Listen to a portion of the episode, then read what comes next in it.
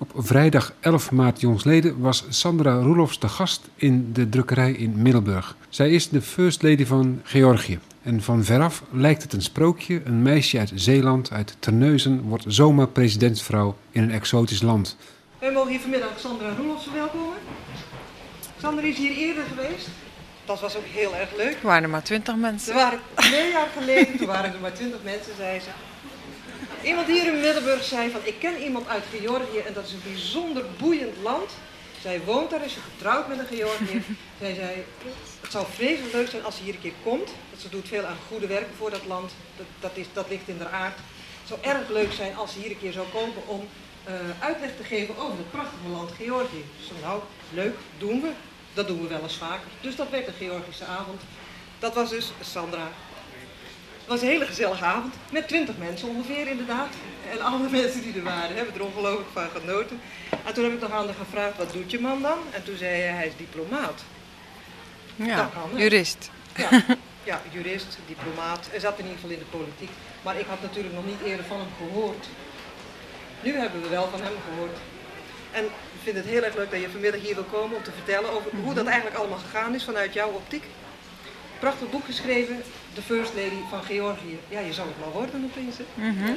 Heeft u het gelezen? Ik heb het gelezen. Ja. Ik heb het gelezen. Ja, zeker. Ik geef dus graag het woord aan Sandra. Ja, goedemiddag allemaal.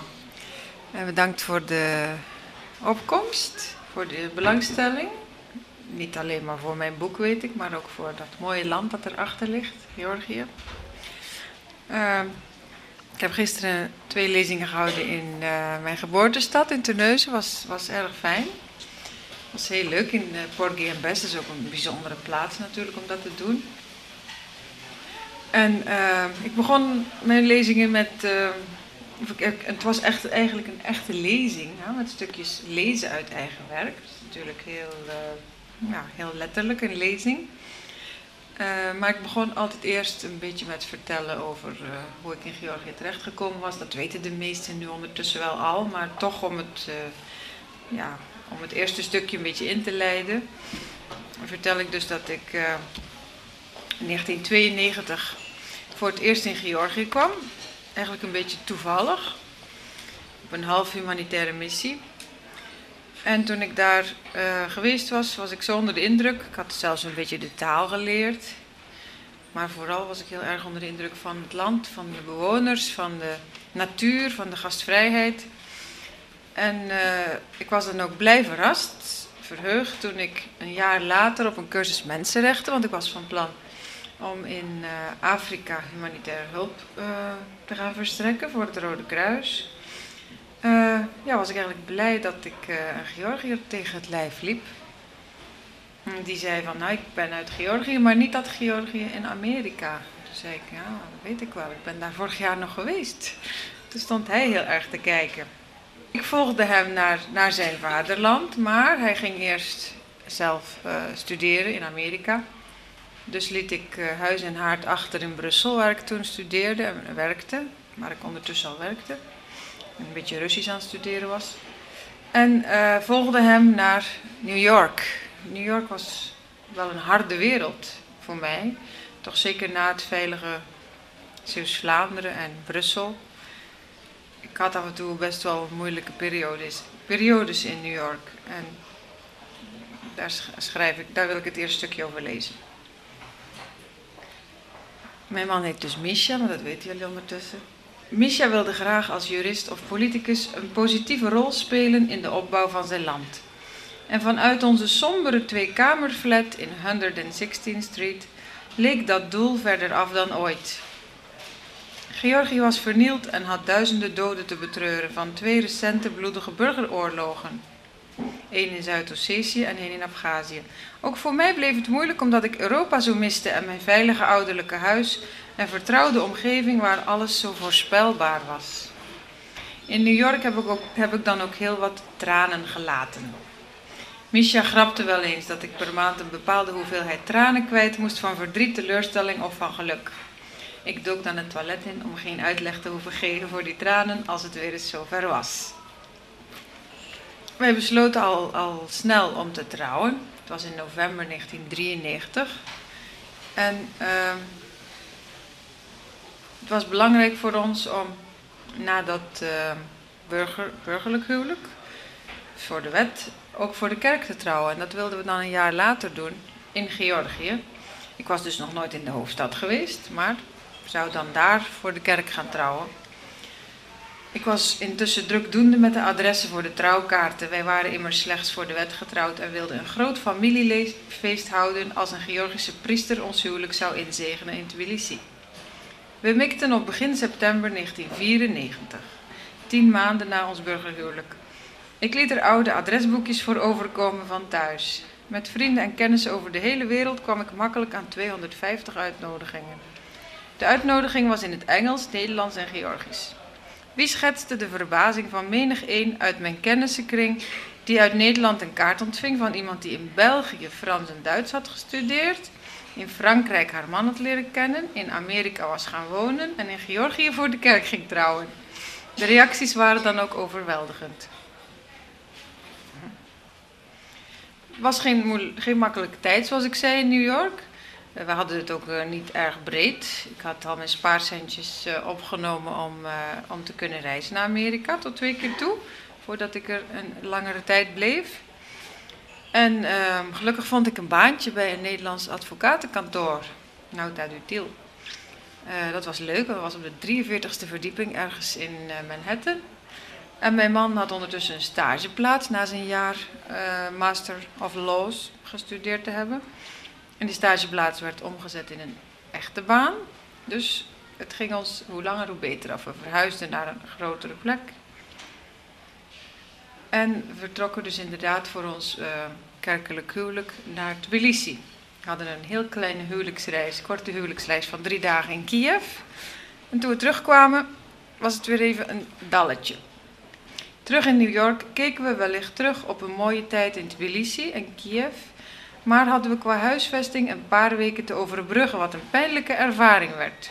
Geen huis hebben, in een goedkoop hotel wakker worden omdat er een kakkerlak over je arm loopt. Voor een borg of tussenkomst van een makelaar geen geld hebben en dat voor een makelaarsdochter. Achteraf gezien een dieptepunt in ons New Yorkse bestaan. We vonden te Lange Leste een mooi appartement in een redelijke buurt op de hoek van Central Park. Micha liet mij geen moment intellectueel lui zijn. Ik moest lezen, ik moest bijstuderen, ik moest vooruit. Zodra ik de touwen liet vieren, trok hij ze weer aan. Misha zelf dacht eraan zich een jaar later kandidaat te stellen voor het Georgische parlement. Toen ik een keer zei dat hij niet teleurgesteld hoefde te zijn als dat niet zou lukken, kreeg ik de wind van voren. Hij moest en zou de top bereiken en ik moest hem daarin steunen. Als je ergens niet meer in gelooft, zo redeneerde hij, dan kun je ook niet meer de motivatie opbrengen om het uiterste te geven. Een vastberaden kerel. Ik schrijf eind september 1994 aan mijn ouders de volgende zinnen.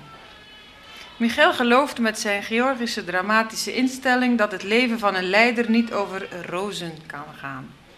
Dat hij principes moet hebben waar hij niet van afwijkt, dat hij moet vechten. Hij zal misschien niet rijk zijn, politiek brengt niets op, maar politiek is zijn leven. En ik kan toch een goede zakenvrouw zijn.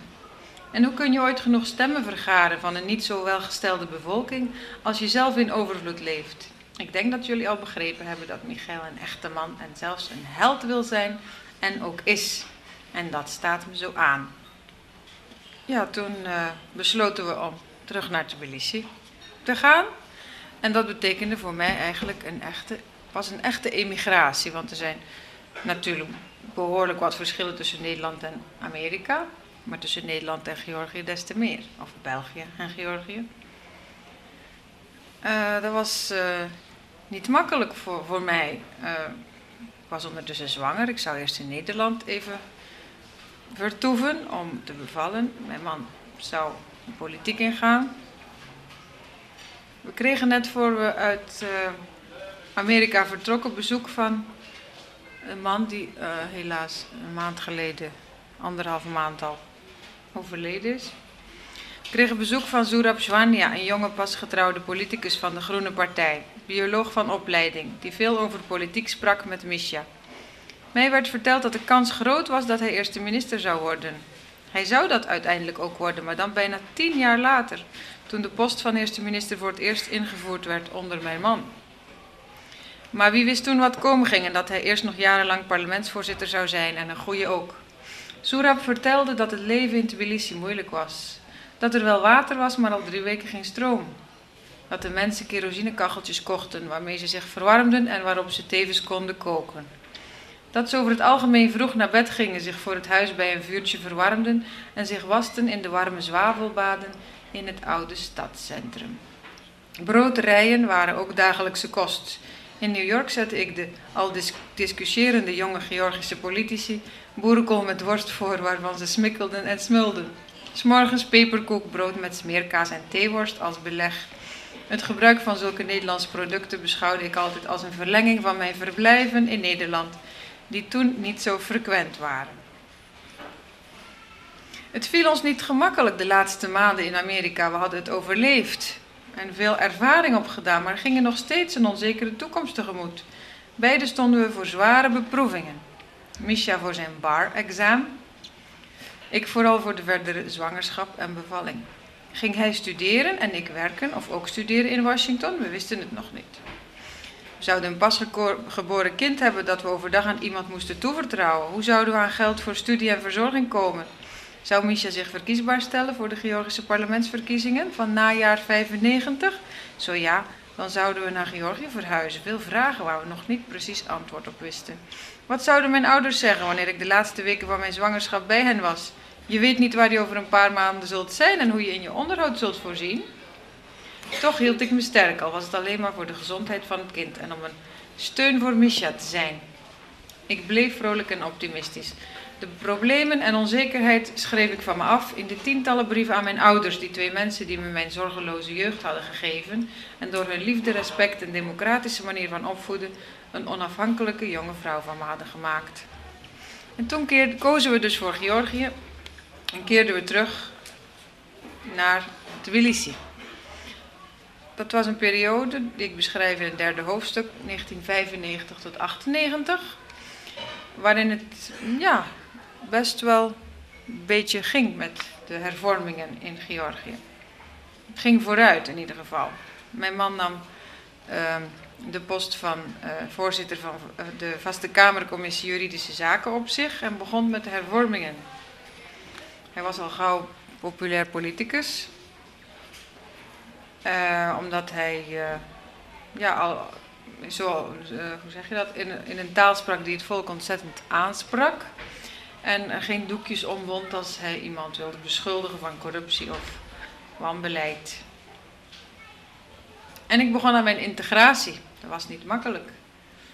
In het boek beschrijf ik hoe moeilijk het was om met een pasgeboren baby, die af en toe ziek werd, uh, toe te geven aan de spuitgrage en anti, met antibiotica dwepende artsen. Ik vluchtte dan ook in het begin vaak naar Nederland voor een maand en soms voor een hele zomer, dat ik me nog niet zo op mijn plek voelde. Maar na die zomer en nadat Eduardje voor de Georgisch-Orthodoxe kerk was gedoopt in het bijzijn van mijn ouders, begon mijn integratie pas echt. Ik had een goed begin met de studie van de taal gemaakt, was gewend geraakt aan de keuken, aan het kraanwater, het droge klimaat en aan het Georgische dagritme. En wat belangrijker was, ik voelde dat hier met overtuiging blijven de enige manier was om te leren wennen en me te leren aanpassen. Ik plakte op alle meubels en voorwerpen in huis plakkertjes met de Georgische benamingen erop en leerde zo spelenderwijs de taal. Ik bleef ook privélessen nemen.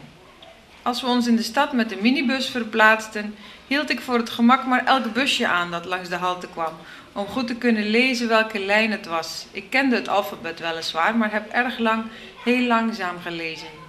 Als het busje onze lijn niet bleek te zijn, liet ik het met een armbeweging weer verder rijden. Voor Eduardje namen we twee konijnen in huis. Een witte en een zwarte. En we noemden ze Tetrico en Shaviko, witje en zwartje. Ze bivakkeerden op het balkon waar ook vaak een rood katertje aankwam lopen. En Eduard liep er vaak heen om in de kooi te kijken. Ze zaten voor twee gezusters wel erg vaak bovenop elkaar. En op een goede dag lag er nest kleintjes bij. Hoewel we ze binnengezet hadden, overleefden die de eerste koude niet. Omdat we voor ons verwarmingselement op wieltjes afhankelijk waren van elektrische stroom en die viel soms halve dagen uit. En Eduard groeide en ik schrijf ook in het boek stukjes prietpraat op. Dingen die hij vraagt, dingen die hij zegt, opmerkingen die hij maakt. En daarmee wil ik ook aanduiden in het boek ja, dat, de, dat het kind opgroeit. Dat het steeds slimmere vragen stelt, steeds ja, verder uh, dieper nadenkt. Even kijken waar het volgende streepje staat. Er zit ook een heel fotokatern in, in het uh, boek. 16 pagina's zelfs. In de jaren dat ik mij steeds meer thuis begon te voelen in de Georgische maatschappij, kreeg Misha hoe langer hoe meer te doen. En nam hij steeds zwaardere verantwoordelijkheden op zich. Toen ik een keer naar de verjaardag van mijn schoonzusje ging, zei een van de vrienden van Misha's broer: Zet de televisie maar aan, dan is Misha er ook bij. En dat was nog maar toen we net in Georgië woonden. Hij kwam steeds vaker laat thuis. Als hij dan bijvoorbeeld met een groepje hongerstakers uit Abhazie ging spreken, zat moederlief, ik dus, met tartaartjes en maisbroodjes met kaas thuis op hem te wachten.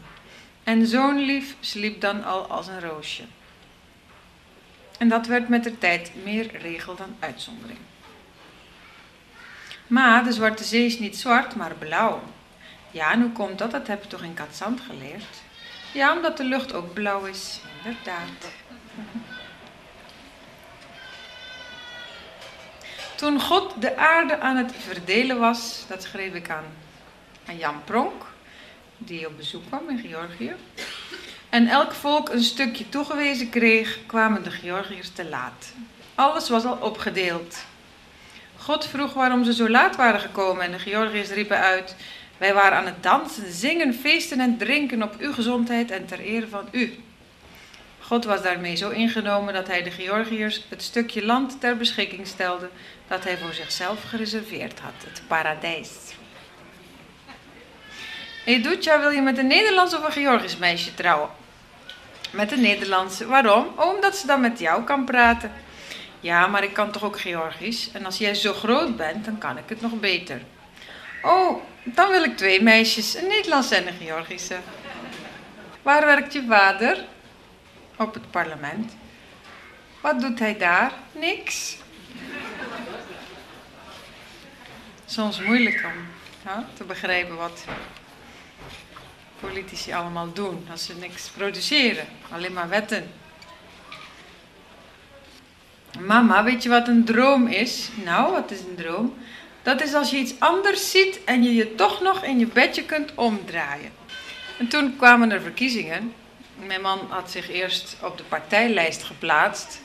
En bij een volgende verkiezingsronde wilde hij een, hele, een heel district achter zich hebben. Want dan heb je meer, ja, als met een uh, districtszetel heb je eigenlijk meer invloed, parlement, meer te zeggen. Uh, hij koos het district vaak waar 70.000 mensen wonen. En ik wilde, graag hem, ik wilde hem graag meehelpen. Dit is mijn lijfwachtdatum. ik wilde hem graag meehelpen, dus besloot ik om op plaatsen waar veel mensen zouden zijn, foldertjes te gaan uitdelen. Toen ik een keer foldertjes aan het uitdelen was op het Instituut voor Vreemde Talen en Culturen, riep een van de studenten uit, terwijl ze de brochure met mijn mans foto tegen zich aandrukte: Oh, mijn liefde, mijn leven. En ik zei met een lach: Nee, de mijne. Maar besefte toen ik het zei en zag dat zij zich realiseerde wie ze voor zich had, dat die tijd voorbij was. Dat Misha ondertussen al zo populair en publieks-eigen geworden was dat ik bijna geen recht van spreken meer had. Dat politiek voor gezinsleven ging, daar was ik al een tijdje achter. En zoals ik al eerder schreef, had ik dat geaccepteerd, omdat Misha zo hard werkte voor het land waar ik zoveel van was gaan houden. Toch blijft het pijn doen in, het, je hart als je man tegen de verwachtingen in kiest voor een nieuwjaarsviering in een bejaardentehuis en niet gewoon thuis blijft, gezellig bij opa en oma zonder camera's erbij. Ik weet niet hoe dat bij jullie thuis is. En toen kreeg ik in die moeilijke periode waarbij we ja, omdat mijn man toch zo recht voor zijn raap was en steeds meer aan invloed en steun bij het volk begon te winnen. Te maken met vreemde telefoontjes, met aanrijdingen. die dingen. En toen kreeg ik uh, in die moeilijke periode een brief van mijn oom uit Hulst, ome Karel. En ik heb die brief in mijn uh, boek opgenomen omdat hij mij toen zoveel goeds deed. Ontnuchterend. Al uit de eerste zinnen van je brief, want ik schreef toen rondschrijfbrieven aan familie en vrienden, heeft tante Lia was het ook wel gehad. Al uit je eerste zinnen van je brief, Sandra, blijkt je reiservaring. Bewonderenswaardig toch en merkwaardig ook dat uit zo'n honkvaste familie, wat de Van der Poelen en de Roelofsen in de grond van de, hart, van de zaak toch zijn en ook zullen blijven, twee van die nieuwsgierige wereldreizigers ontspruiten, als jij en Egbert. De een is neergestreken tussen de Zwarte en de Kaspische Zee, en de ander is barvoets in Nepal waargenomen. Vermoedelijk zal jullie nageslacht bestaan uit ruimtereizigers. De verwikkelingen zoals je die beschrijft omtrent de verkiezingen in Georgië liegen er trouwens niet om. Materiaal voor een documentaire lijkt me. Ik hoorde van je moeder dat jullie auto en zelfs de vorige mikpunt zijn van intimidatie. Je moeder zal je denkelijk wel regelmatig manen om toch vooral ook voorzichtig te zijn. Ik zal dat hier dus nalaten. Ik hoop natuurlijk dat de verkiezingen van 31 oktober gunstig voor Misha uitpakken en jullie weer in wat rustiger vaarwater terechtkomen waarin het goed peddelen is. Tussen de regels door, in je beschrijving van de verkiezingscampagne, bespeur ik dat jullie je redelijk, humaan en eerlijk opstellen, wat het credo van een volksvertegenwoordiger behoort te zijn, dunkt me. Wat er tenslotte nog aan vermeldenswaardig nieuws uit deze contraille valt te vermelden, is bitter weinig. Zoals je weet is Nederland overbevolkt, 17 miljoen op een paar weilanden. Daarnaast is het te ruim voorzien van geldmiddelen. Zou het geen goed idee zijn om onze regering, van onze regering, om bijvoorbeeld een land als Georgië te adopteren, als afgezet gebied voor kennis en geldmiddelen en overige zaken waaraan hier te veel is en bij jullie te weinig? Alles waar het hiervan overloopt, stroomt bij jullie naar binnen, zodat over pakweg 25 jaar beide landen gelijkwaardig zijn en in alle belangrijke opzichten. Samen namen beide landen dan weer een ander groter land voor hun rekening. Ik keek met Eduard naar Eurosport. Gewicht heffen en slalom. En Eduard zei: Weet je wie er wint? Nou, wie ook onder de sneeuw durft. En toen ik bij gewichtheffen net had uitgelegd waarvoor magnesium gebruikt werd, zei hij: Waarom doet deze niet meer met die suiker? Even later deden we het na. We speelden dat een stok de baar was en dat Eduard de gewichtheffer was en met zijn gezicht moest laten zien hoe zwaar het was. Hij deed het bijzonder goed in etappes, eerst door de knieën, dan tot de lies, dan omhoog en armen gestrekt, de stok laten vallen. Toen pakte hij de stok opnieuw en zei: Nu nog eens voor wie het niet gezien heeft, misschien, doelend op de herhaling in slow motion.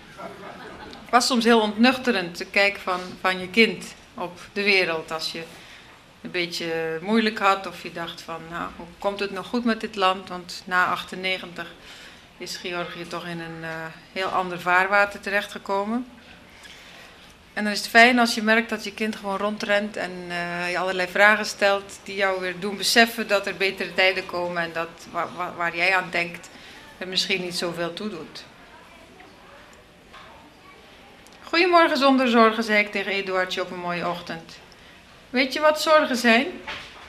Dat is als je iemand thee en medicijnen brengt als hij ziek is. Zo kwamen we uh, in de zomer vaak in Katzand om uit te rusten, om uit te blazen, om eventjes veilig achter de Zeeuws-Vlaamse dijk of duinen te rusten. En Eduard speelde toen met Belgische vriendjes. Uh, wacht hoor. Ja, ook met Vlaams, dat in Zeeuws-Vlaanderen toch vaak te horen is, had hij aanvankelijk moeite. Maar na een zomer aan de Zeeuws-Vlaamse kust met een Antwerps vriendje gespeeld te hebben, is dat al aardig bijgetrokken. Hij begrijpt nu wat Arthur wil zeggen als hij tijdens het spelen met de Playmobil-mannetjes uitroept: Den pompier is gekwetst. Of wat hij bedoelt als hij even later... Heb jij goesting achter een crème? Vraagt. Heb je zin in een ijsje? Heb jij goesting achter een crème? Verder ben ik ervan overtuigd dat het beheersen van twee talen, en niet te vergeten twee heel verschillende culturen, voor een opgroeiend kind een ongelooflijke verrijking is. Vergelijkingsmateriaal is zeker voor een kind heel belangrijk. Bij het vatten van begrippen, situaties, acties, reacties in het menselijk handelen. Hij heeft wel de pech dat zijn twee basistalen net twee kleine talen zijn. Nederlands met 20 miljoen en Georgisch met ruim 5 miljoen sprekers. Intussen zitten we al in een periode waarin protest en bewustwording de overhand neemt binnen de Georgische samenleving. Men spreekt open over corruptie. Uh, men durft misschien nog niet de straat op, maar is toch wel al bezig met, met uh, ja, een soort van bewustwordingsproces. Van dit, dit mag toch eigenlijk niet, dit kan toch eigenlijk niet in het land. Er blijft bijna niks van het land over, alles wordt uh, gegrist en doorverkocht. Er was smokkel, er was corruptie. En Eduard vroeg op een dag, maar wat is corrupt? Uh, dat is als iemand iets doet wat volgens de wet niet mag en waar hij zelf beter van wordt, maar het land niet. Hm? Ik zal een voorbeeld proberen te geven. Stel je een parlementslid voor. Je weet wat een parlement is en wat parlementsleden doen. Hm? Niks dus. Wiens oom, buurman of vriend een fabriek heeft die slechts rode auto's fabriceert. Die man wil natuurlijk dat er zoveel mogelijk rode auto's verkocht worden. Dan verdient hij lekker veel en op een goede dag stelt hij het parlement dan ook voor om een wet in te voeren waarin staat dat je alleen nog maar met rode auto's mag rijden. Daar zou zijn oom toch blij mee zijn. Het is dan een wet waar de oom beter van wordt, omdat hij plotseling heel veel auto's zal kunnen verkopen, maar waar het land helemaal niet beter van wordt, omdat het toch niet uitmaakt in wat voor kleur auto je rijdt. Dat is een voorbeeld van corruptie. Iemand die zijn macht of invloed gebruikt om er zelf beter van te worden en er niet aan denkt of het goed is voor het land. Snap je? Mm.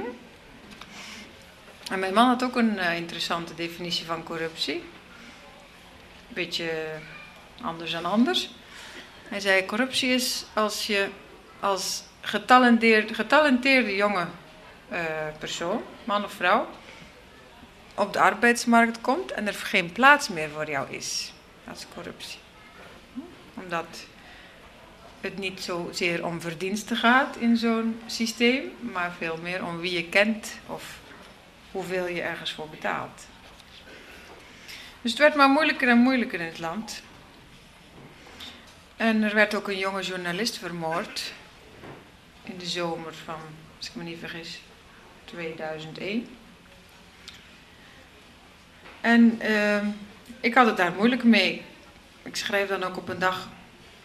Kort daarop ging ik op een ochtend naar het kerkhof om eens uit te huilen bij de graven van Tamara, de overgrootmoeder van mijn man, aan wie dit boek is opgedragen, en van de jonge journalist. Ik voelde dat het me allemaal erg hoog zat. De situatie in het land, terreuraanslagen, de inbraak, maar ook het feit dat het niet duidelijk was wat voor een rol ik binnen de Nederlandse vertegenwoordiging in Georgië zou spelen vanaf 2002 en wat voor salaris daarbij zou horen. Ik was immers hoofdkostwinner. Misha verdiende als minister niet meer dan 200 dollar per maand. Hij was toen minister van Justitie. En ik werkte op het consulaat dat zich zou omvormen tot ambassade.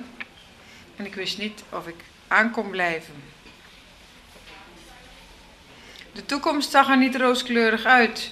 Het land in crisis, mijn man onder zwaardere druk dan ooit en mijn baan die op de tocht stond. Ook merkte ik dagelijks hoe verrot het staatssysteem was, dat alles en iedereen in Georgië te koop was. Het Georgisch heeft daar een passende uitdrukking voor, Huli anateps jojogets, wat letterlijk geld verlicht de hel betekent. De grenzen van Georgië waren zo lek als een zeefje. Het land lag open en uitnodigend te wachten op allerlei soorten landlopers, boeven, smokkelaars, huurmoordenaars en noem maar op. Georgië was failliet de beloning die Bush had uitgeschreven voor de kop van Bin Laden was dubbel zo hoog als wat er in de Georgische staatskas in een jaar binnenkwam. President Shevardnadze had na de zomervakantie 2001 zijn lidmaatschap en daarmee het voorzitterschap van de Burgerunie opgezegd. Als hij nu zijn baan ook op zou zeggen en Bin Laden zou gaan vangen, dan zou hij misschien nog iets goeds kunnen maken van het kwaad dat hij Georgië tijdens zijn presidentstermijn had aangedaan. Of, eufemistischer uitgedrukt, van de kansen die hij had laten liggen om zijn vaderland te ontwikkelen sinds zijn terugkeer naar Georgië in 1992. Komt tijd, komt raad, dacht ik en probeerde moed te houden. Ik voelde dat ik aan het veranderen was. Ik pakte weer eens een boek, zette een klassieke plaat op, keek veel minder televisie, speelde piano, zong mee met Eduard en soms alleen. En kocht wekelijks rozen voor in huis, omdat ik andere bloemen niet zoveel vond. Ik werd huiselijker, bakte elke week een cake en was een stuk rustiger geworden. Ook s'nachts sliep ik uitstekend. Ik liet de boel meer de boel. Ik begon meer te accepteren, werd gelatener. Snauwde Eduard niet meer zo af als in de maanden ervoor. En liet Misha zuchtend thuiskomen als hij dat zo wilde. Ik wist dat het niet aan mij lag dat er zo ontzettend veel van hem geëist werd en hij vooral ook zoveel van zichzelf eiste. Wat eigen is aan een maximalist. Hij kwam s'avonds vaak laat terug, niet zelden in een slecht humeur. Ik liet me door Misha's gezucht niet van mijn stuk brengen, werd er niet opstandig van en begreep dat het op zulke momenten geen zin had om om de aandacht te lopen strijden. Ik zag onszelf als twee sterke individuen die elkaar door en door kenden en vonden dat we bij elkaar pasten en hoorden. Politiek zag ik daarbij als een spelbreker, maar ik besefte en accepteerde eindelijk dat het voor Misha onontbeerlijk was om zijn carrière invulling te geven en elke keer een stap verder te zetten. In die tijd droeg hij soms een dik kogelvrij vest. Maar ik wist als geen ander dat daar binnenin een heel gevoelig hart lag en dat deze moeilijke periode voorbij zou gaan. Ik mocht de hoop niet opgeven, moest door de zure appel heen bijten en elke dag weer de moed vinden om met een sprongetje op te staan. Heerlijk om dan te merken dat je eigen kind je energie en moed geeft, dat zijn simpele kijk en vrolijk rondrennen je doet inzien dat er betere dagen zullen komen. Die winter toen Eduard en ik in Nederland op vakantie waren, ging ik Misha, die in de buurt moest zijn, op de Brusselse luchthaven Zaventem ophalen. Ik mocht mijn broers auto gebruiken, een oude blauwe, blauwe Renault die geen verwarming had en waarvan Misha het rechterportier tijdens de hele rit naar Terneuzen moest blijven vasthouden omdat hij slecht sloot. Ondanks de kou moesten we er erg om lachen. We hadden honger en stopten in het Belgische Zelzaten bij een Chinees restaurant om er tot de conclusie te komen dat ze niet veel anders hadden dan gebakken kikker, die ons toch best smaakte. In Terneuzen schaatsten we op de markt op kunstijs, wat we niet gedaan hadden sinds Central Park in New York toen ik zwanger was. Dan komt het hoofdstuk beslissende strijd. 2001, 2000, uh, 2002, 2003. Uh, ik heb uh, als een soort baken, een soort boei, ehm, het uh, ontslag van mijn man hier als beginpunt genomen. Toen hij als minister van Justitie zich verzette tegen, uh, tegen het regeringsbeleid. En zei dat hij dus niet meer verder wilde. Dat hij een nationale beweging wilde gaan leiden als een soort protest tegen wat er gaande was binnen de regering. Hij wilde geen verantwoordelijkheid meer nemen. En stapte op deed hij op de televisie, zonder dat Shevardnadze daarvan wist. Met op, aan de ene kant de oude middeleeuwse vlag van Georgië, die nu nationale vlag is geworden. En aan de andere kant de Europese vlag met de sterren. Toen waren er weer verkiezingen voor uh, stadsbestuur. En uh, ik hielp ook deze keer weer. Mijn man die had gezegd als we een... Uh, een flink, flink aantal stemmen halen, dan ga ik mij verkiesbaar stellen als voorzitter van het stadsbestuur Tbilisi. Ook ik stortte me vanaf de maand mei volop in de verkiezingscampagne. Ik stond s morgens vroeg om 7 uur op om voor 8 uur op de metrostations foldertjes uit te delen van de Nationale Beweging, nummer 34. Ik zei daarbij dat men op mijn man moest stemmen of toch in ieder geval naar de stembus moest gaan. Elke stem die niet zou worden uitgebracht was immers een kans voor de heersende elite om te sjoemelen met stembiljetten. Omdat ik dankzij televisie en radio nu een stuk bekender was dan drie jaar ervoor, toen ik ook al actief was geweest tijdens de verkiezingen, was gezichtsherkenning nu meer regel dan uitzondering. Men uitte zijn waardering dat ik als buitenlandse echtgenote zo achter mijn man stond en zo dicht mogelijk bij de mensen wilde zijn. Ik kreeg kusjes, bloemen, ijsjes en een enkeling vroeg zelfs om mijn handtekening op de brochure te plaatsen. De reacties waren positief. Een enkeling raakte geïrriteerd. Ik herinner me een jonge man die naar me toe kwam en op gedempte toon vroeg: Hoeveel betalen ze hiervoor? Ik riep uit: Niks, het gaat toch om mijn man? Zijn ogen rolden zowat uit zijn kassen en hij schoot als een speer richting roltrappen de metro in. Zo, dacht ik bij mezelf, dat is er weer één die nummertje 34 zal omcirkelen. Ik bleef door het land reizen, verkiezingstijd of niet. Mijn man werd dus voorzitter van het staatsbestuur. Ik had mijn projecten in de regio's en ging ook vaak in West-Georgië bij vrienden op bezoek. Zo kwam ik in de geboortestreek van twee zangers van het Georgische ensemble Kerioni terecht, die hier ook zijn geweest. Chiatura in Centraal-Georgië, waarvan de naam op een bijzondere wijze is ontstaan. Als je vanaf een van de bergtoppen het dal inkijkt, zie je een wirwar van kronkels, van bergpaadjes en stroompjes, waardoor je spontaan uitroept: is het een worm of zo? In het Georgisch Chiatura. Dus dat is de naam van de stad, Chiatura. In deze streek wordt hoge kwaliteit mangaanerts gedolven, waardoor Chiatura in de Sovjet-tijd een bloeiende industriestad was met tienduizenden Georgische en Russische arbeiders. Een treinverbinding en tientallen kabelbaantjes voor het vervoer van al die arbeiders. Nu is het aantal inwoners in deze streek bijna al gehalveerd en is er veel ellende veroorzaakt door werkloosheid, de geïsoleerde ligging van Chiatura en de aardbeving van 1989. Toen we er later in de winter een voedselpakkettenactie hielden voor 400 alleenstaanden, gehandicapten en kroostrijke gezinnen, kwamen we met een vrouwtje van 75 in contact, in contact dat niets, maar dan ook niets in haar eenkamerflat had staan en in het keukentje in de rook bij haar kacheltje stond.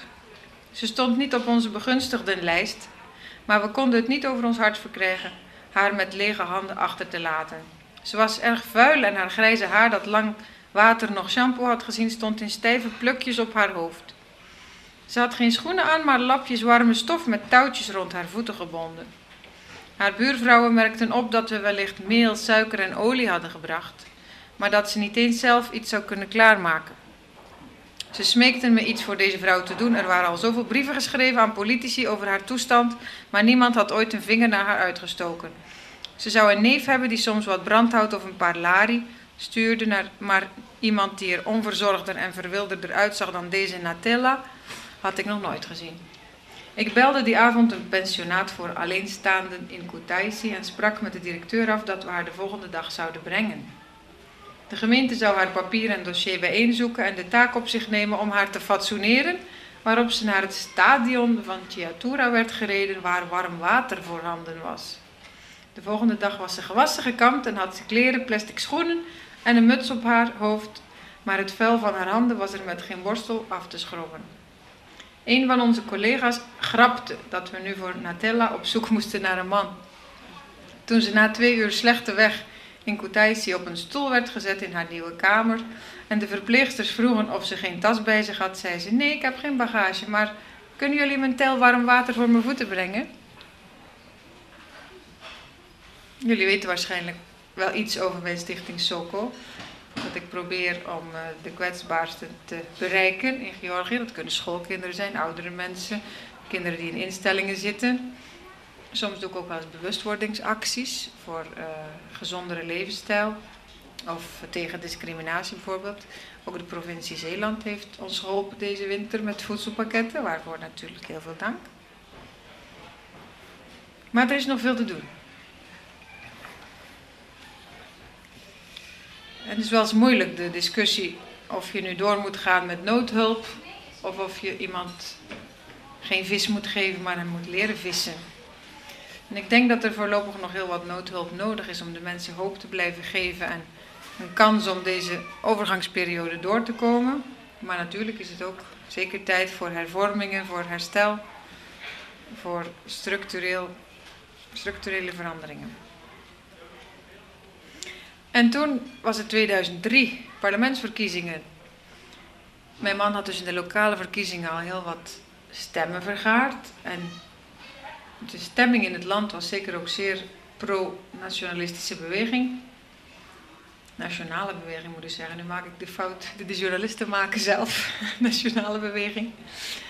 En uh, in oktober 2003 zouden er parlementsverkiezingen zijn. In opiniepeilingen leek het allemaal heel erg op een grote overwinning uh, af te stevenen. Uh, maar zoals jullie weten, zijn, uh, is er toen flink gesjoemeld met de stembusuitslag. En kwamen de mensen op straat. En niet een paar mensen. Uh, mijn moeder werd toen 60 jaar, eind oktober. En wij waren, Eduardje en ik waren in Nederland voor twee weken. Maar toen het begin november was, toen uh, zag het er naar uit dat het een beetje riskant zou zijn om terug te keren. En we dachten, laten we afwachten. Wacht, ik had, ja, Eduard en ik waren in Nederland en hadden onze koffers al bijna weer ingepakt voor de terugreis. Toen we met z'n allen besloten om de protesten en de reacties van de Georgische regering af te wachten. Er zou wellicht een hertelling van de stemmen in zitten, maar het liep anders.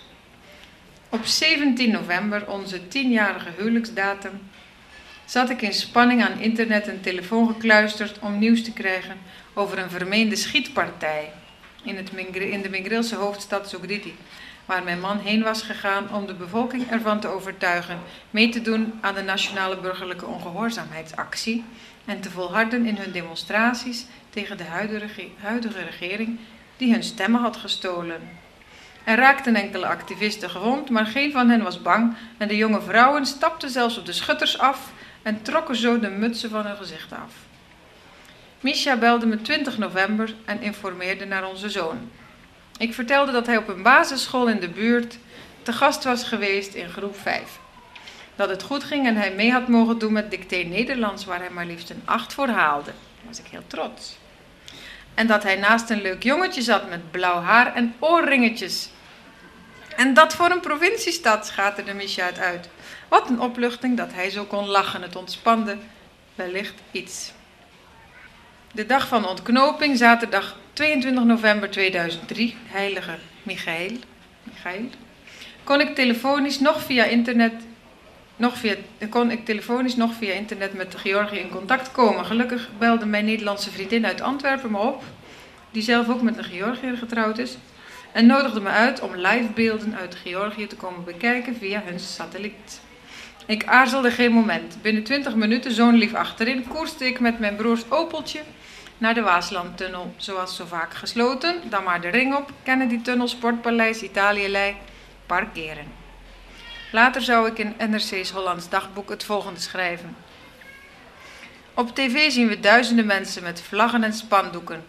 Binnencamera's nemen het over. De foyer van het parlement met dicht opeengepakte betogers. Ik zie alleen maar mannen en camera's. Plots ontwaar ik mijn man in bruine jas. Hij staat voor de deur van de vergaderzaal waarin Shevardnadze het parlement toespreekt. Misha heeft een roos in zijn hand en verzamelt de afgevaardigden van zijn partij om samen naar binnen te gaan. Gaan is het woord niet. Ze golven erin met veel geduw en getrek. Misha begint met uitgestrekte arm naar de president wijzend te roepen om zijn aftreden. Hij baant zich een weg naar voren. De situatie is dreigend. Ik voel angst, bang dat dit op fysiek geweld uitloopt. Gelukkig zit mijn zoontje aan tafel te tekenen en ziet hij niet wat volgt.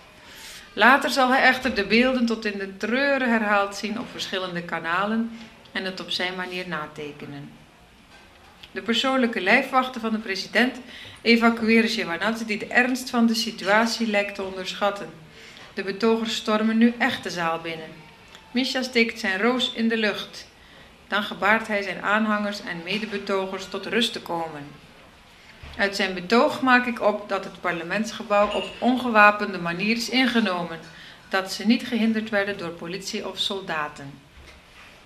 We bereiden ons zorgvuldig voor op de installatie, of met een mooier woord, presidentiële inauguratie. Want op 4 januari waren het presidentsverkiezingen geweest. Mijn man was als kandidaat naar voren geschoven en haalde een grote overwinning. Ik kocht in Parijs kleren en een crèmekleurige wintermantel en werd bij het kiezen van mooie haaraccessoires door het verkoopstertje aangesproken. C'est pour un mariage? Ja, zei ik, daar kun je het best mee vergelijken.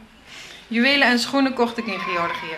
Mijn ouders kwamen over voor de kerkelijke inzegening van 24 januari in Gelati in West-Georgië en de inauguratie in Tbilisi van 25 januari. Naar Gelati vlogen we met helikopters. Nog krijg ik kippenvel als ik terugdenk aan de aanblik van het kloostercomplex Gelati vanuit de lucht. We cirkelden eromheen en zagen duizenden toegestroomden met vlaggen en vaandels naar de helikopter zwaaien. Het was prachtig weer. Dit was dezelfde Gelati-kerk die thuis in Terneuzen jarenlang als een soort voorbode op onze keukenmuur had gehangen, met mijn eerste indrukken van het land erop gekrabbeld. Groetjes uit het gekke groene Georgië. We landden op een vlak terrein en liepen nog twee kilometer te voet, bergopwaarts. Ik droeg een warme, felrode jurk met een grote zwarte strik op mijn buik en een zwarte jas eroverheen die niet dicht kon. Dit ontwerp was van een Georgisch designer. Uiteinde van mijn lange haar had ik naar buiten laten omkrullen. Het was een soort Alice in Wonderland tenue, wat bijzonder goed bij die dag paste. Die nacht sliep ik maar enkele uren. De vijf zussen van mijn vader waren net gearriveerd en zouden de volgende dag in Tbilisi er ook bij zijn. S morgens vroeg gingen alle dames gezamenlijk naar de kapper. Ik liet mijn haar ook opsteken en versieren met mooie accessoires. Het deed wat oosters aan. Waar ik maanden later nog steeds complimenten over kreeg, was de crèmekleurige lange wintermantel met gouden knopen die me wonderbaarlijk goed stond, maar die een plaatselijke stomerij enkele weken later helaas verprutste. Ter afsluiting van deze mooie dag zaten we aan, een, zaten we aan, aan een officieel diner met zo'n 100 gasten. S'avonds lag ik op bed uit te blazen en na te genieten van de dag, terwijl de onvermoeibare Misha nog naar een concert was gegaan. Op televisie volgde ik hoe hij daar op het toneel verscheen en onverwacht danseres Nino Sugishvili optilde. De televisiecommentator zei: Wat zal de First Lady daarvan zeggen? En ik glimlachte. Ik was alleen maar gelukkig en straalde. Het was de eerste keer dat er, dat er in deze bewoordingen naar mij verwezen werd. Later vroeg ik aan Nino of ze niet geschrokken was toen Misha haar zo hoog in de lucht tilde en ze antwoordde: Nee hoor, waarom zou ik bang moeten zijn in zijn handen, terwijl het hele land nu in zijn handen is? Het laatste stuk is de epiloog. En die heb ik Sakart wel eens Gaumarjos genoemd, ofwel nou, uh, Mogen Georgië overwinnen. En daar beschrijf ik heel kort het jaar 2004 met de indrukken, met het dieptepunt van gestorven soldaten in Zuid-Ossetië, maar ook met hoogtepunten als de soort tweede revolutie in Adjarië aan de Zwarte Zeekust, um, de opstand in uh, Oekraïne met de Oranje Revolutie. En sowieso met heel wat positieve geluiden van de bevolking. 96 procent, die is natuurlijk, dat is maar eenmalig, zoiets behoud je niet, ook niet na een jaar. Want er zaten heel wat proteststemmen bij, maar toch is de algemene indruk van het huidige bewind positief en is er nieuwe energie. Is men weer trots om Georgiër te zijn. En mensen die in Georgië zijn geweest en na de revolutie weer gegaan zijn, die voelen het allemaal. Voor mij persoonlijk was 2004 niet alleen een zoektocht naar een evenwicht tussen wat enerzijds van me verwacht werd als First Lady en anderzijds hoe ik die rol zelf wil invullen. Maar was het jaar ook vooral een strijd om zoveel mogelijk van mijn alledaagse bezigheden te blijven volhouden. Bescheiden blijven, gewoon mama blijven die tijd neemt voor haar kind en bij school en naschoolse activiteiten betrokken is. Aanspreekbaar blijven, tijd nemen voor burgers, winkelen, in de rij staan, wandelen, Franse les geven, tijd vrijmaken voor voldoende rust en ontspanning in de vorm van muziek en sport. En toch ook altijd flexibel genoeg zijn om me aan te passen aan Misha's last minute agenda. Een dag na de inauguratie op 26 januari zat ik alweer in blazer, spijkerbroek en paardenstaart op mijn Soko-kantoor aan nieuwe projecten te werken, alsof er niets veranderd was. Maar er is natuurlijk veel veranderd en ik hoop dat jullie het boek gelezen hebben of nu zin hebben om het te lezen. Uh, ja, als ik zo terugkijk op, of als ik nadenk over waarom ik het boek, het waarom van het boek schrijven, was dat eerst en vooral omdat uh, de uitgever mij verzocht het boek te schrijven en ik altijd als schrijfster had willen worden en dacht ik heb ook wel ja, iets te vertellen, veel te vertellen. Maar ook zeker, nu ik het zie liggen, voel ik dat ik met dit boek heel veel heb willen zeggen. Niet alleen dat het een prachtig land is waar ik terecht ben gekomen, dat het de moeite is om het te zien, om het te leren kennen van dichtbij. Maar ook zeker om te laten zien dat er nog idealen zijn in deze wereld en dat je met hard werken en eerlijkheid nog veel, heel ver kunt komen. Maar met dit boek wil ik ook zeggen dat uh, de wonderen de wereld nog niet uit zijn. En dat je met, uh, ja, weer hetzelfde, met hard werken en uh, geloof heel ver kunt komen en heel veel kunt bereiken en je eigen idealen kunt verwezenlijken. wat zijn jullie vragen? Wat zijn jullie impressies? -hmm. Ik zal de vraag herhalen, want niet iedereen heeft hem gehoord. Meneer organiseert een reis naar Georgië eind september, Paustovski Stichting of Vereniging. En uh, ja, hij is eigenlijk benieuwd hoe zij daar uh, ontvangen zullen worden. Niet alleen dat ze uit Nederland komen en waarschijnlijk een streepje voor hebben, maar ook zeker hij geïnteresseerd, uh, ja, als wij daar komen als stichting die deze schrijver, deze Russische schrijver, ja, promoot, zeg maar, of waardeert, kunnen wij dan rekenen op, dat is uw vraag denk ik, uh, waardering van het Georgische volk voor, voor, uh, voor die voorliefde voor die Russische schrijver. Dus de verhoudingen Rusland-Georgië, via een omweg. Ehm, ja, moeilijk. Ik beschrijf ook in het boek dat het een haat-liefde verhouding is.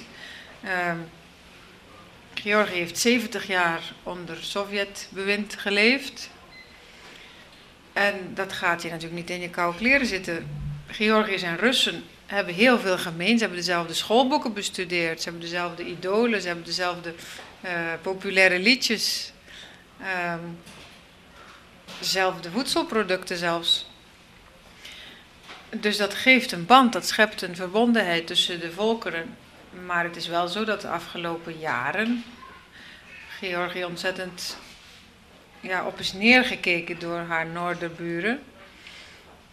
Maar dat ligt niet aan de Russische eh, burger zelf. Dat ligt meer aan, nou ja, om zo maar te zeggen, het Kremlin. Hè? Dus Rusland zelf, uh, de Rus Russen zelf hebben niet zo moeite met Georgisch. Integendeel, ze gaan zelfs heel lyrisch, worden zelfs heel lyrisch als ze het over Georgië hebben. En over Georgiërs en ze herinneren zich dat mooie Abhazie en de rest van het land, waar ze zulke leuke vakanties hebben gehad. En waar toch zulke mooie mannen en charmante mannen vandaan komen.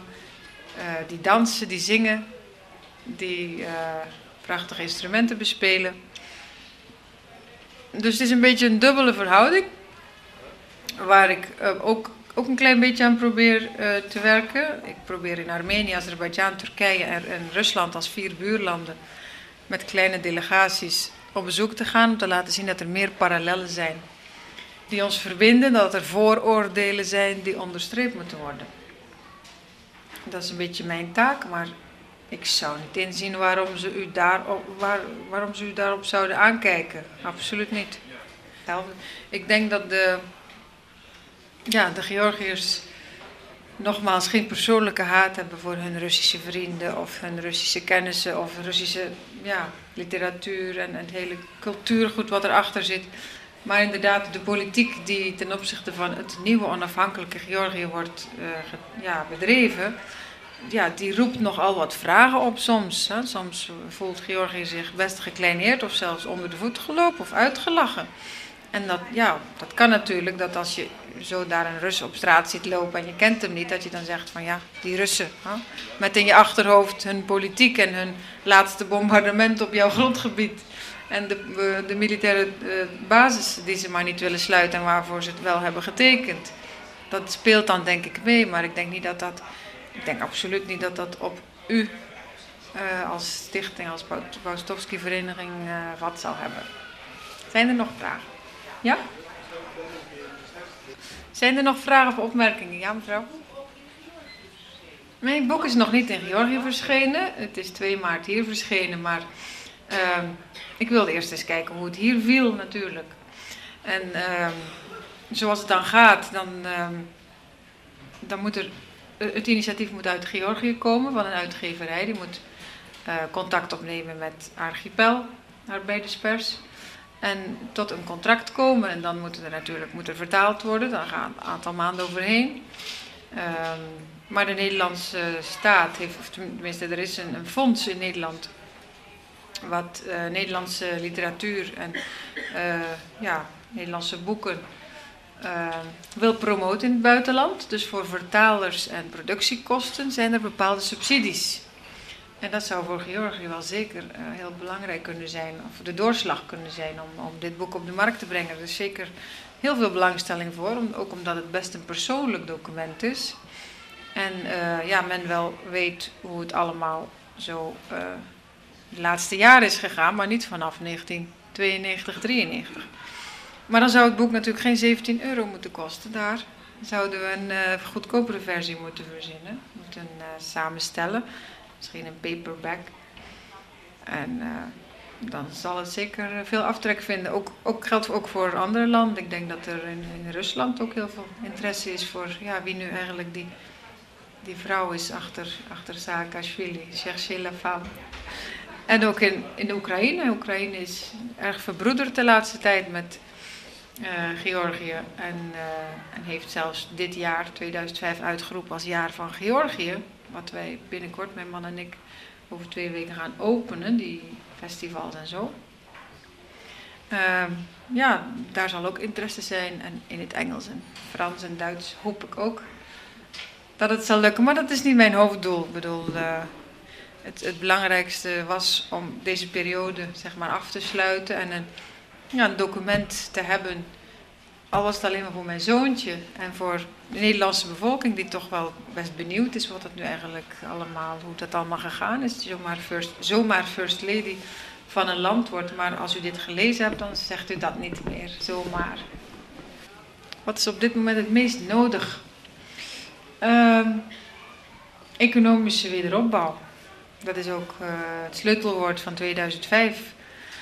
Um, als inderdaad bepaalde grote staatsbedrijven en objecten geprivatiseerd worden, zoals de bedoeling is dit jaar, komt er meer geld in de staatskas binnen. Dat is natuurlijk één. En een ander is dat er meer mensen aan het werk raken, waardoor uh, ja, de families, de gezinnen meer te besteden hebben. Uh, en waardoor ook die bedrijven op een efficiëntere manier zullen worden geleid. Waardoor natuurlijk, ja, het heeft ook positieve effecten. Dus economische wederopbouw is het belangrijkste. Um, maar we hebben natuurlijk ook stabiliteit en veiligheid nodig. En, en ook orde op straat, gezag voor de wet. Dus dat is meer ja, de defensieve kant, de uh, gezaghebbende kant. Is eigenlijk net zo belangrijk voor een jonge staat. Want als je niet weet waar je grenzen beginnen, waar ze ophouden. Daarom is ook een van de motto's van mijn mans presidentstermijn is om het land weer volledig te maken, territoriale integriteit um, te garanderen. En um, hij is ook bezig om het leger te versterken. Dat betekent niet dat er een oorlog gaat komen. Dat is niet de bedoeling. Uh, wij zijn allemaal voor vreedzame oplossingen. En het ligt ook een beetje in de lijn der verwachting na een vreedzame roze revolutie. Dat het in de Caucasus vreedzaam kan blijven. Dat willen wij ook bewijzen dat dat kan.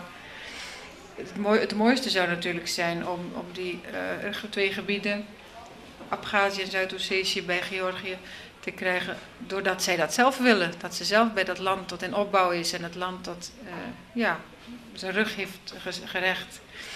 Um, ja, dat ze daar weer bij willen horen. Dat zou het mooiste zijn. Maar je moet toch jezelf kunnen verdedigen. Uh, je moet aan een eventuele agressor kunnen laten zien. Wij staan hier aan de grens en pas op, niks doen. Uh, wij stellen iets voor als een land en met ons kun je niet zollen. Dus het is meer een beetje zelfverdediging, een beetje afschrikmiddel. En dat is zelfs voor een pacifist, denk ik, alleen maar aanvaardbaar. Een soort ja, balans te creëren. Voor vrijwilligershulp is zeker plaats, maar dan is het wel nodig om of Russisch of Georgisch een klein beetje te beheersen. Want met Engels in de hoofdstad kun je nog wel wat terecht met Engels, maar in de regio's wordt dat al heel moeilijk. Het belangrijkste is talen. Um, er is heel erg gebrek aan uh, sociale werkers, mensen in de zorg, uh, managers, goede managers. De Nederlandse overheid heeft daar ook wel een facilite faciliterend programma voor om managers voor korte tijd naar midden- en kleinbedrijven te sturen. Om uh, ja, know-how over te brengen. En dat werkt goed. De mensen komen met uh, ja, goede ideeën en soms leggen ze een, link met het Nederlandse bedrijfsleven, zodat die Georgiërs uit dat bedrijf ook eens in Nederland kunnen komen kijken of uh, producten of, of, materiaal of tweedehands apparatuur uh, over kunnen halen naar Georgië. Dankjewel, ik zal proberen mezelf te blijven. Ja.